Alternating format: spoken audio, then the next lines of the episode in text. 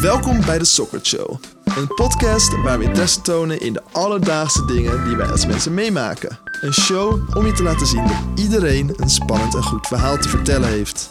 We beginnen als gewoonlijk met een voorgelezen verhaal door een van onze luisteraars. En zullen daarna doorgaan en hierover een gesprek houden en onze ervaringen delen. Wil je meer weten over deze podcast? Ga dan naar www.socrat.com. Waar we deze vaak onbesproken ervaringen uitlichten door hierbij een sok te ontwerpen. Wat een makkelijke ijsbreker kan zijn om over deze interessante onderwerpen te praten. Laten we niet langer wachten. Hierbij het eerste verhaal. Het begon allemaal met een spontaan idee. Ik wilde een tijger in het wild zien. Dat is al zeer moeilijk. Er leven namelijk niet heel veel tijgers meer in het wild, omdat de moderne wereld niet zo lief is voor de tijger. Door ontbossing is er nog maar een paar procent van het originele leefgebied van de tijger beschikbaar. Vaak worden die prachtige oerwouden gekapt, voor landbouw bijvoorbeeld. Stropen is natuurlijk ook een hinder voor de tijger, maar laten we ons daar nu niet te veel door afleiden.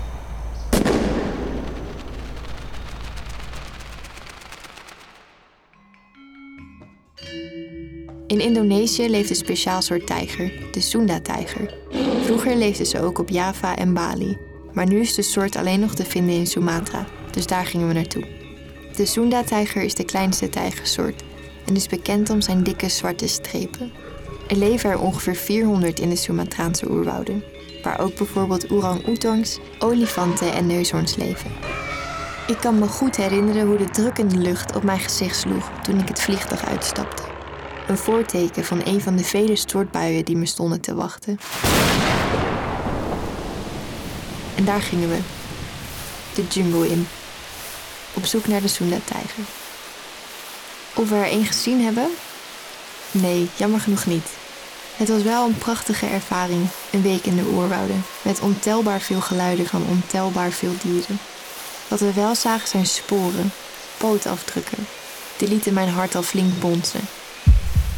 Jammer dat ik geen tijger heb gezien, maar de reis was het meer dan waard.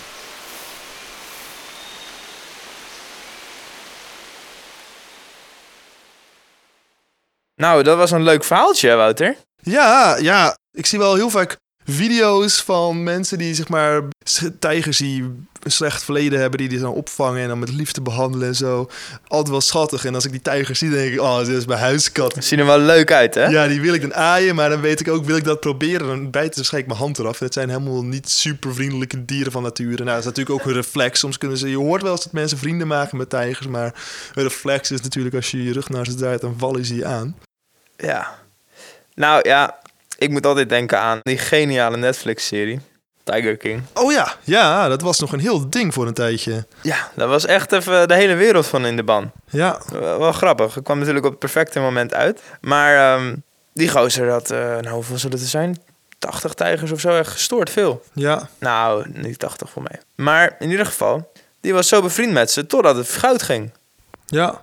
Ja, het, ding is, je kan heel bevriend zijn met die tijgers, maar ja, ze hebben gewoon reflex. En soms willen ze ja, een soort van vechten. Dat doen ze gewoon uit natuur. Als je je rug naar ze keert, gaan ze vechten.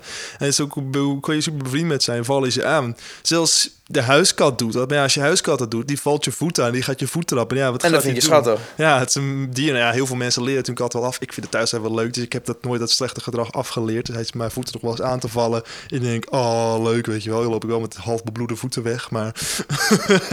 Ja, ja nee, ik... ehm, weet je waar tijgers leven?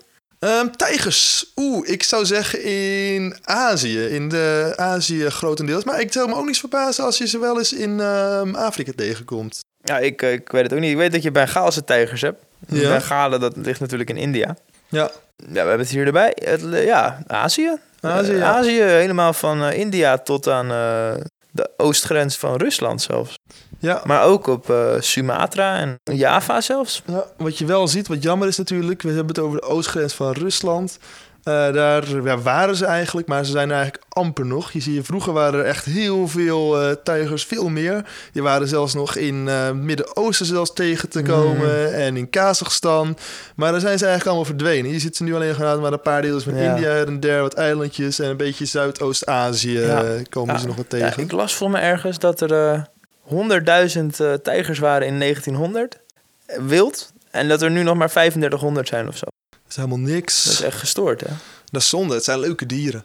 Ik vind het schattig altijd. Ja, je ziet, je ziet ze nog wel eens in, het, eh, in de dierentuin en zo. Maar echt wilde tijgers, ja, dat eh, wordt moeilijk. En dus, ja, ze zijn natuurlijk alles aan het uh, leegkappen, het wegkappen. Dus die Ja. beesten hebben niet zoveel Ja. plaats meer om te leven. En het is natuurlijk...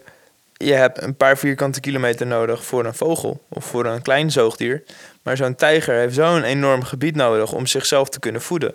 Ja, Omdat hij zoveel dieren daaronder heeft. Dat, dat een veel desastreuzere impact heeft op de, op de, op de diversiteit en de, de hoeveelheid van tijgers natuurlijk. Ja, nee, dat klopt inderdaad. En ja, zelf moet ik zelf in eerste instantie moet ik altijd zeg maar bij tijgers denk ik ook nog een beetje aan leeuwen, zeg maar die grote katten. En dan denk ik meer aan wezens die op de savanne leven, maar dat zijn die tijgers natuurlijk niet. Die klimmen echt in die bomen, die zijn aan het rondklauteren. En dus ja, het is natuurlijk dan als ik dan denk, oh ja, een tijger die klimt en die klautert, dan moet ik direct denken wel aan de Jungle Book. Dan heb je natuurlijk die tijger, eh, hoe heet die tijger nou in de Jungle Book? Dat is eh, de kwaadrik. Kaan, nog wat. Ja, Kaan nog wat. Eh Shere, Shere Khan. Shere Khan, ja, Shere dat is hem. Ja hoor. Eh, Ja, dat is de grote slechterik. ja. Nou, wel met een zwoele stem moet ik zeggen. Die had een mooie, diepe, sultijne stem. Maar dat is eigenlijk ja, de eerste keer dat ik tenminste denk als kind wel met een tijger, eh, het, het beeld van een tijger ben eh, geconfronteerd. Ja, misschien daarvoor wel dat je maar de woordjes leert van wat zegt een koe. Hmm. En een tijger zegt grrr. Dat is wat mijn tijger Ja. zegt. Ehm, leuk feit. Ja, een tijger, ja, een tijger zegt wel grrr. Eh, want een tijger gromt. Ja. Dat zul je wel eens bij katten anders horen. Want je huiskat die miauwt en die kan snorren. Tijgers kunnen niet snorren en eigenlijk andere grote katten ook niet. Behalve de panter volgens mij, als ik het me goed... Of nee, de luipaard. Nou, er is nog één andere grote kat. Ik eh, kan niet precies zeker weten welke. Die wel kan snorren en niet kan grommen. Maar alleen daar hebben ze dus onderzoek naar gedaan. Inderdaad, een kat kan snorren of grommen. En het komt eigenlijk omdat er een bepaald deeltje in hun keel vast of los zit. Mhm. En daardoor eh, bepaalt dat. Dus dat is eigenlijk het grote verschil tussen die twee wezens.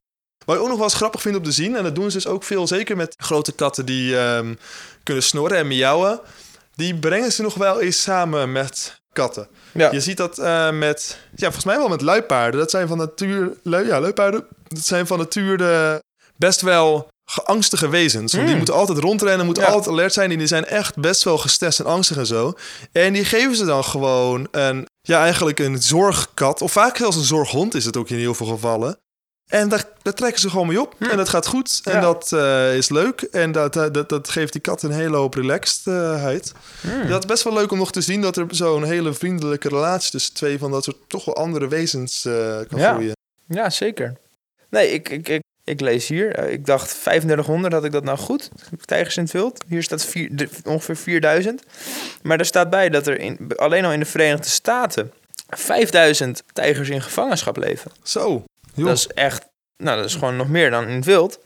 En slechts 6% daarvan zitten in eh, erkende dierentuinen.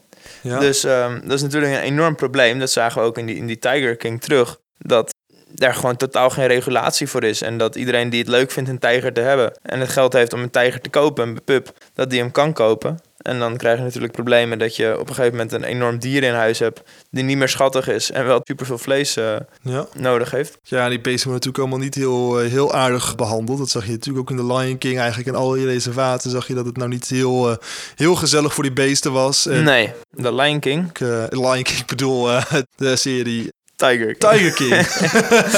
Oh, ik snap nu pas trouwens dat het eigenlijk een woordgrap is op Ah. The Lion King. Daar hebben ze over nagedacht. Wacht eventjes. Ja.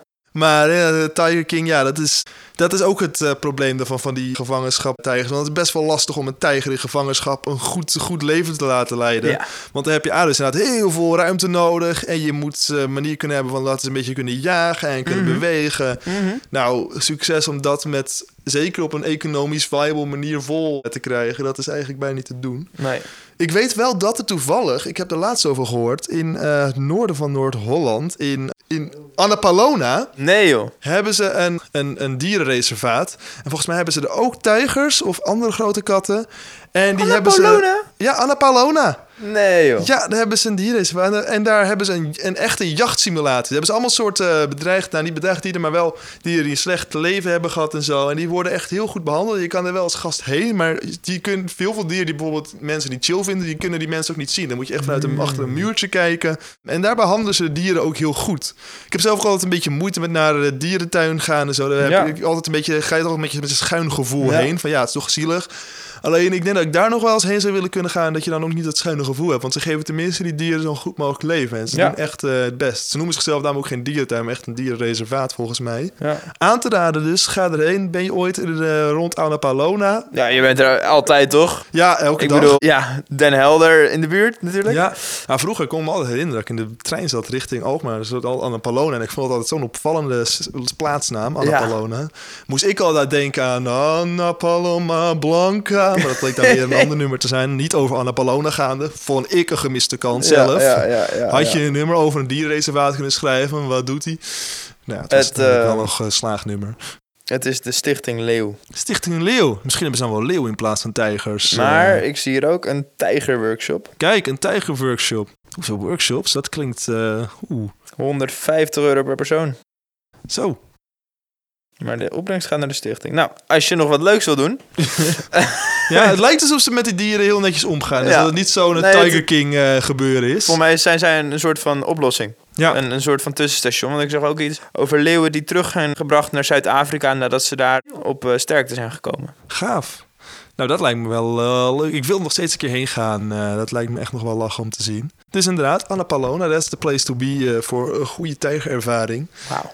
Inderdaad, die jachtsimulatie waar ze inderdaad echt gewoon een stuk vlees aan een haak hebben... die ze zo door het reservaat laten heen Mm. lezen... dat die beesten er achteraan kunnen gaan rennen. Dat is leuk. Ja, eigenlijk net een beetje alsof je met je Ja. kat met zo'n klein kwispeltje... hey, ehm, ik denk dat dit weer is voor deze week. Ik denk het ook. Ik vond het een leuk onderwerp. Ik vond het eh, interessant. En we hebben toch best wel wat dingen gevonden over tijgers. Er was eigenlijk nog een stuk meer over te, over te vertellen dan ik had verwacht aan het begin. eh. Ja, maar jij bent altijd een beetje pessimistisch, hè? Ja, dat klopt. Ik ben echt een grote pessimist. Als iemand geen pessimist is, is het Wouter, jongens. Dat is een soort van eh, grapje. yes, en wou je nog meer weten over onze podcast, over de sokken die er misschien bij horen of iets anders?